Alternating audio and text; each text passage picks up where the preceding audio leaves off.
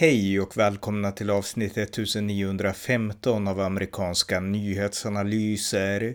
En konservativ podcast med mig, Ronny Berggren, som kan stödjas på swishnummer 070-30 28 95 0. Här följer ett samtal med Asienexperten Jojo Olsson om den ekonomiska situationen i Kina och varför den islamiska gruppen hycklar när de kritiserar Sverige samtidigt som de ignorerar Kinas förtryck mot sina inhemska muslimska minoriteter. Varmt välkomna!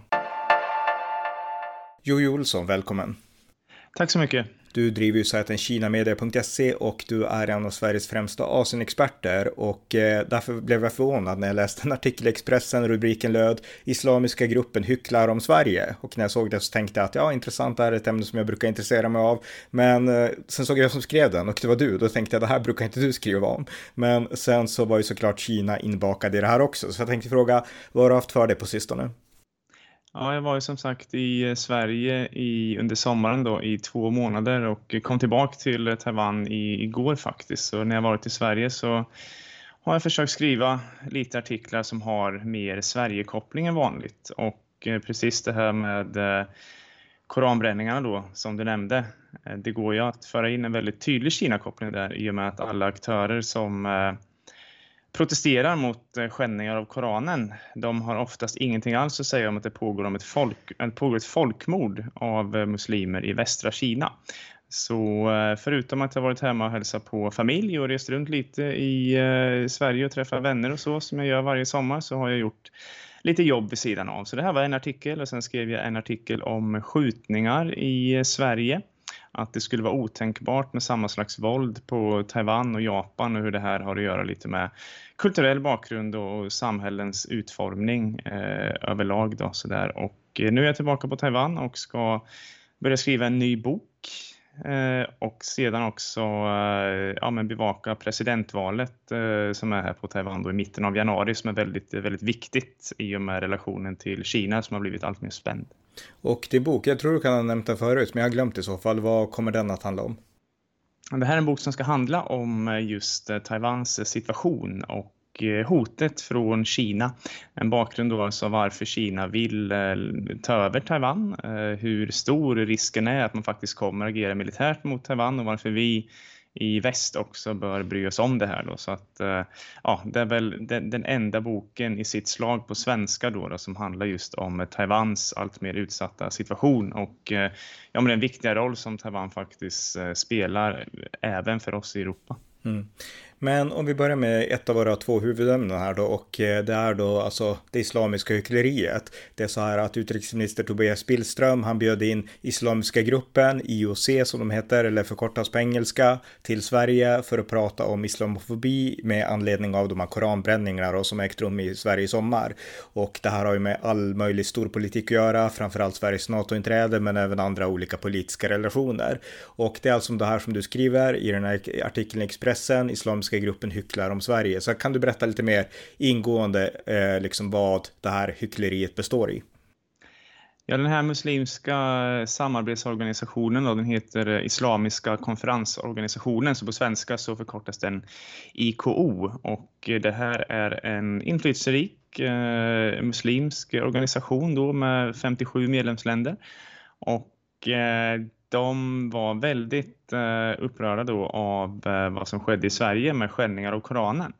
Så att eh, de hade eh, extrainsatta möten eh, med anledning av det här då, och eh, ja, men gjorde uttalande om att både Sverige och andra länder borde se över sin lagstiftning därför att eh, ja, man sårar då eh, ja, muslimska eh, religioner, religiösa uppfattningar genom att skända Koranen.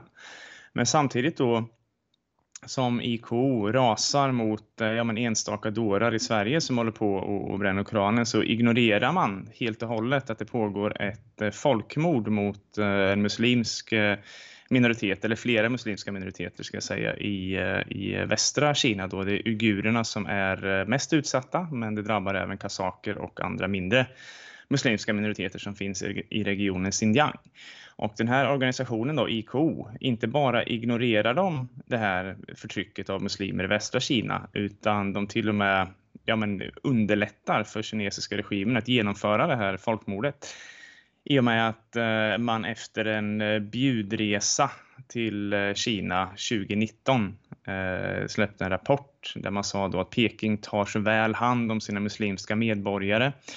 Eh, man sa då från IKOs håll att man vill eh, samarbeta närmare med Kina. Man bjöd in Kinas utrikesminister till sitt eh, stormöte. Jag tror att det var i fjol. Jag vet inte om det har skett i år än, men i alla fall i fjol och det här tyder då på att man är mutad helt enkelt av, av Kina och det vore inte första gången som, som Kina Eh, mutar internationella organisationer för att springa deras ärenden och i och med att de flesta, för att inte säga alla av de här medlemmarna i IKO också är diktaturer så är de väl inte särskilt svårmutbara kan tänkas och eh, förutom IKO så är det ju också flera enstaka länder och regeringar som bedriver precis samma dubbelmoral.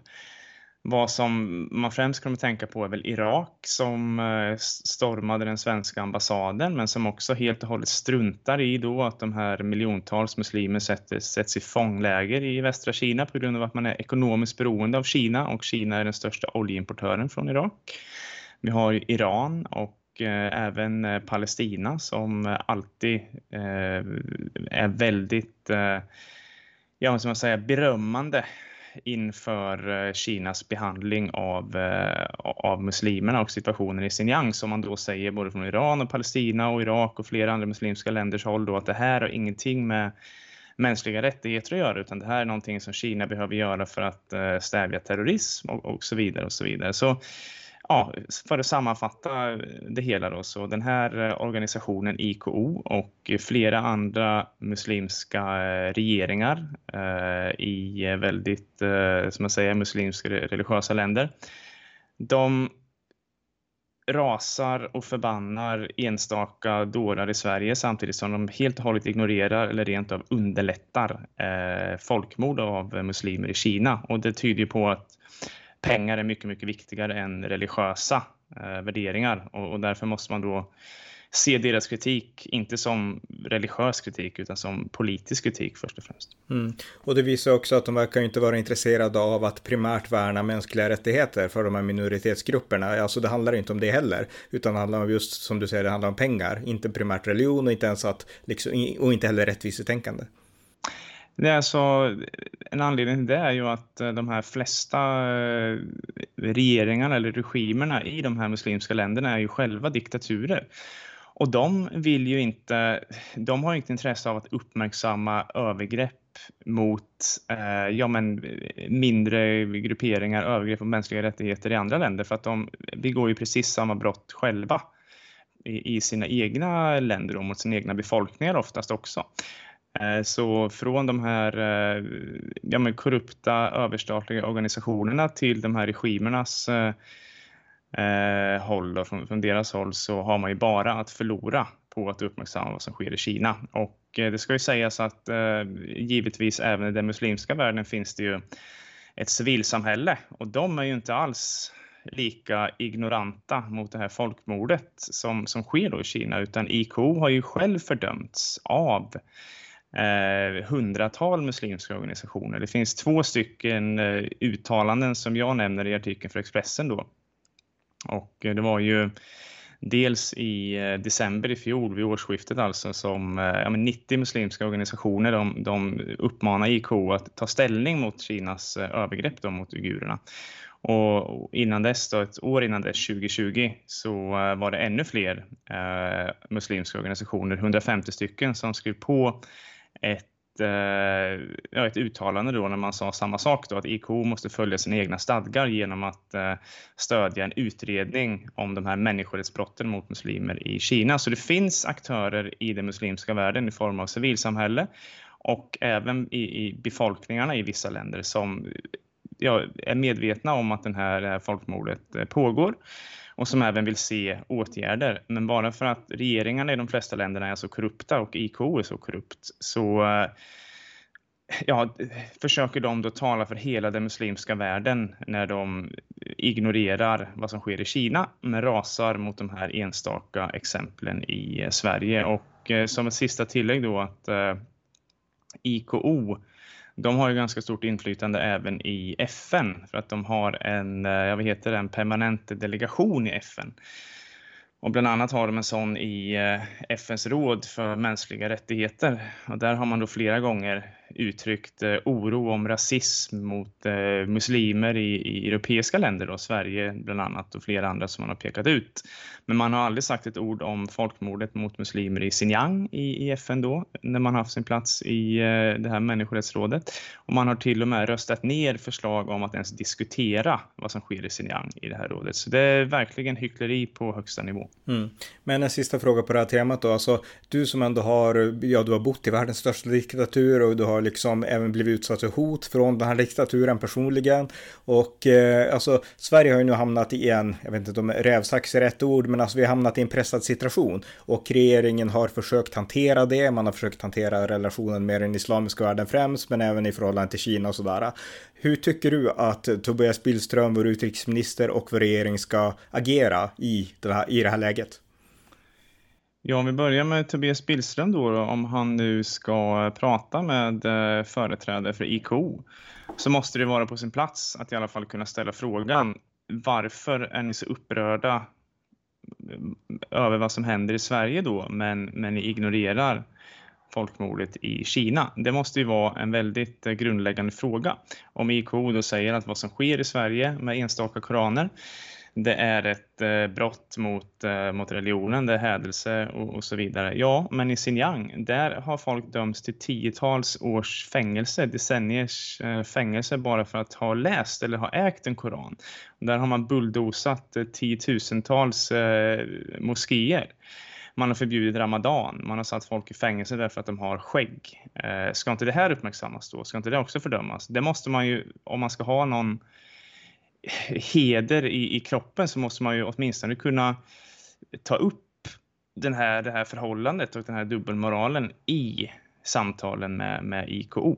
Mm. Eh, så det är väl ett minimum till att börja med.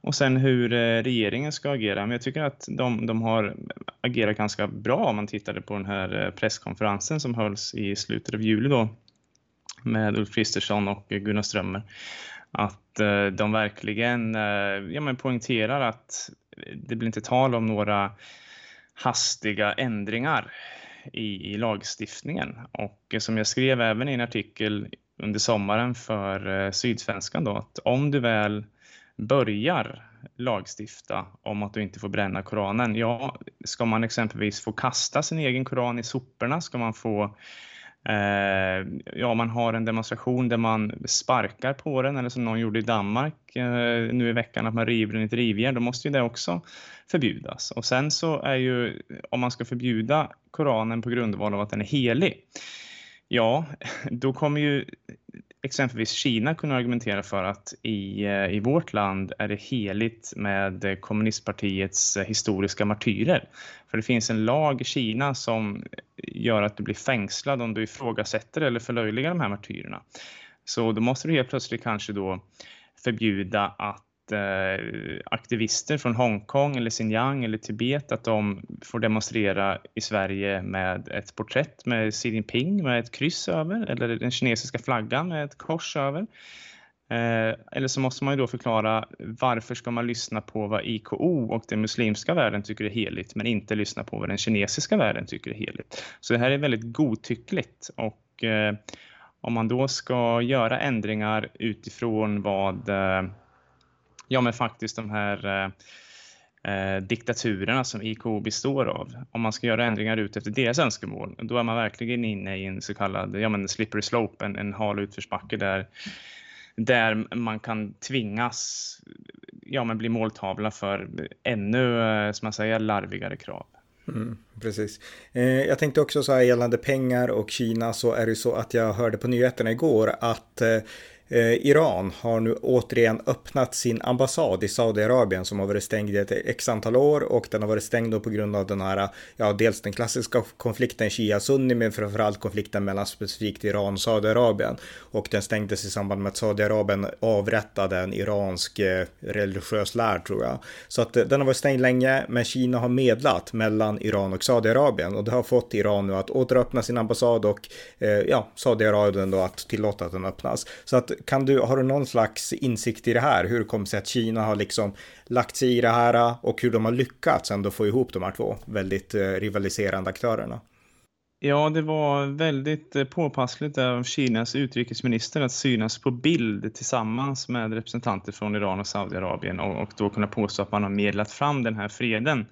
Eh, flera rapporter som jag har läst, analyser, säger att ja, Kina kanske spelade en roll, men en ganska liten roll, utan det var andra aktörer som, eh, som medlade eh, innan dess och sen kom, kom Kina in på slutet där och jag minns inte vem den andra aktören var som, eh, som gjorde så att säga eh, grovjobbet. Men det var ett annat eh, muslimskt land i alla fall. Så att det var lite så här photo-op mm. Eh, från, från den kinesiska utrikesministern. Men visst, man har ett eh, intresse av att eh, från kinesiskt håll då, av att sprida bilden av sig själv som en slags internationell fredsmäklare och det har ju mycket med att göra att man då hemskt gärna skulle vilja spela en roll i eh, Ukraina, i kriget i Ukraina och och eh, var med att, och ta fram en lösning där då som skulle gynna Ryssland och Vladimir Putin. Eh, så att eh, det är ett mönster i ja, men Kinas, man vill öka sitt internationella inflytande och man vill förstärka bilden av sig själv som en slags konfliktmedlare som, ja, om man då lyckades mellan Iran och Saudiarabien så varför ska inte Kina kunna få medla då mellan Ryssland och Ukraina? Så det var lite av det bakomliggande syftet där. Och sen eh, samtidigt då så har ju Kina varit eh, Irans eh, största handelspartner i ett årtionde nu och man har även eh, övertagit USAs plats som den största oljeimportören från Saudiarabien. Så man har ju tydliga ekonomiska eh, hävstänger mot båda de här länderna. Och det är klart att om man då kommer och säger att ja, till att börja med så, så vill ju Kina att det ska vara fredligt i, i arabvärlden, i Mellanöstern, att Iran och arabvärlden inte ska bråka. För att det blir mycket lugnare omgivningar för Kina att eh, investera i och att köpa olja från. Så man har inget intresse från kinesiskt håll att det ska vara eh, konflikt mellan olika aktörer i, i arabvärlden. Så framförallt inte mellan Iran och Saudiarabien som är två väldigt viktiga handelspartners eh, för Kina. Då. Så till att börja med så har man ett intresse av att det ska vara fred där. Men sen då om man är största handelspartner till båda de här länderna och sen kommer man och säger men hörni grabbar, nu när ni eh, ska eh, återupprätta relationerna, kan vi inte ta ett kort tillsammans då? Eh, då, då blir man ju inte avfärdad. Nej. Men, men det är intressant att du säger det, därför att jag menar klassiskt så har ju Ryssland varit den här stora uppbackaren av Iran och USA uppbackaren av Saudiarabien som har drivit sin proxykonflikt mellan de här två länderna. Men nu är det alltså Kina som har blivit den starka aktören i förhållande till båda de här länderna. Det är ju väldigt intressant.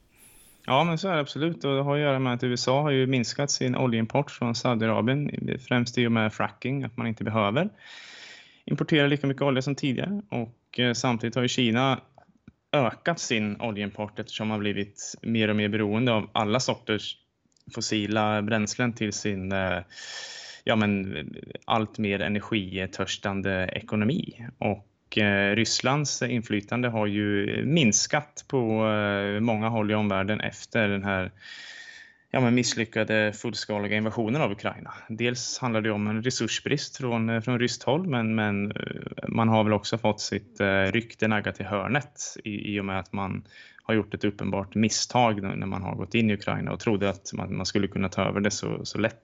Mm. Just det. Eh, ja, vi ska gå vidare till vår sista punkt här och det är ekonomin i Kina. Eh, på Kina Media så har en kollega till dig, Marcus Björk, skrivit en artikel den 5 augusti som heter Kinas ekonomi riskerar förlorade årtionden likt Japan. Och där handlar alltså om eh, ja, att Kina går mot en ekonomisk depression ungefär. Kan du, kan du berätta lite mer om, om detaljerna där? Ja, Kinas ekonomi står inför en eh, perfekt storm. Eh, en, verkligen en cocktail av alla möjliga missförhållanden och eh, mer eller mindre katastrofer som, som har kommit samtidigt och på en och samma gång. Och det, det mest uppenbara som många kommer att tänka på är givetvis covid-19 när Kina stängde ner hela landet i stort sett i tre år. Och och eh, stängde ner stora delar av sitt samhälle också. Eh, givetvis så drabbade det inte bara produktivitet utan även eh, ja, men konsument, konsumtion, konsumentförtroende, företagande och, och en rad andra ekonomiska faktorer.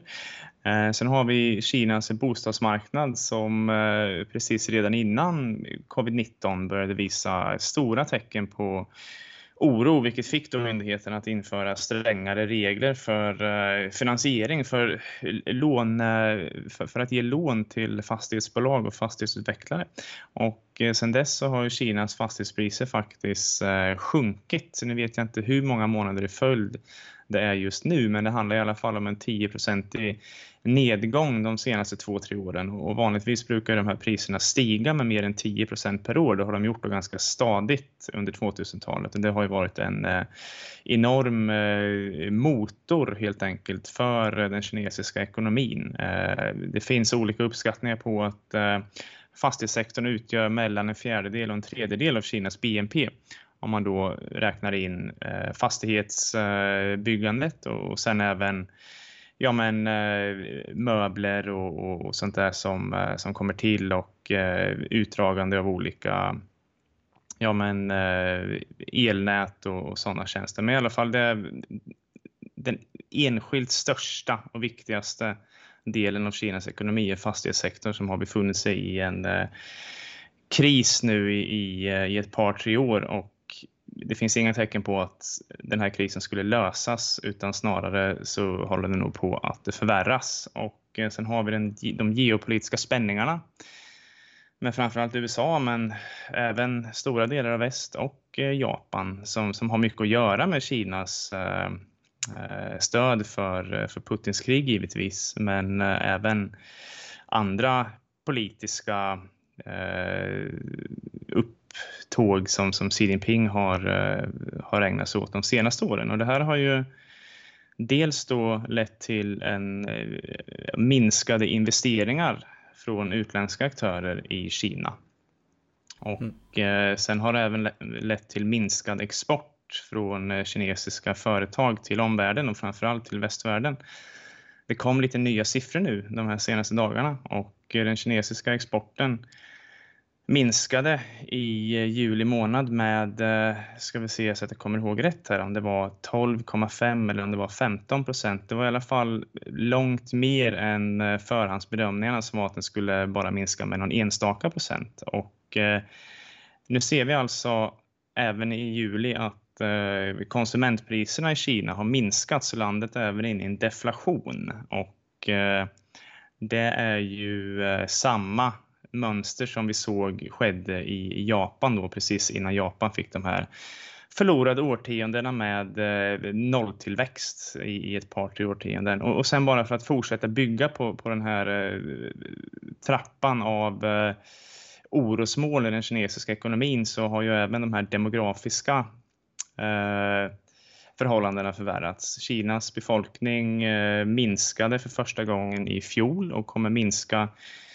väldigt, väldigt snabbt de kommande årtiondena och inte bara minska utan även bli äldre. Och det innebär då alltså att en mindre andel arbetare ska, ska ta hand om en större del pensionärer och det här sker i ett land som om vi jämför med Japan då, i ett land som eh, ja, inte hann bli rikt innan det blir gammalt. Och det innebär att det finns inte samma välfärdssystem som man har haft i Japan när man har kunnat hantera den åldrande befolkningen med hjälp av eh, ja, men äldrevård, sjukvård som har fungerat. Så att det här kommer bli ett, äh, ännu ett betyngande problem på kinesiska hushåll och det blir ännu svårare att stimulera konsumtionen som den kinesiska ekonomin behöver för att återhämta sig.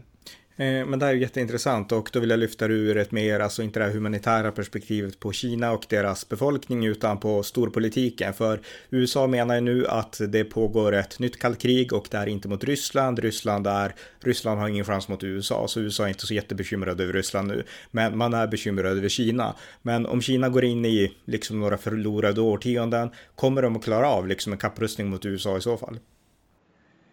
Nej, det här är ju en av de här 10 000 kronors frågorna som den här ekonomin för med sig givetvis. Att eh, hur länge kommer Kina kunna uppehålla eh, kapprustning? Eh, det är ju en del av det här med den ekonomiska nedgången som, som väntar i Kina. Men det finns ju även flera aspekter av det. Alltså Kinas inflytande i omvärlden är ju inte baserat på värderingar eller demokrati eller ens populärkultur utan den är ju baserad på ren och skär makt och framförallt ekonomisk makt. Och om Kina då inte längre har råd att eh, ja, men investera lika mycket i utlandet som tidigare, om man inte blir en lika viktig ekonomi, källa till eh, export, eh, import turism, utbildning, ja då har man helt plötsligt inte samma ekonomiska hävstänger som man haft tidigare på, på olika länder. Och det gäller både länder i, eh, i väst som, eh, som, som i tredje världen. Då.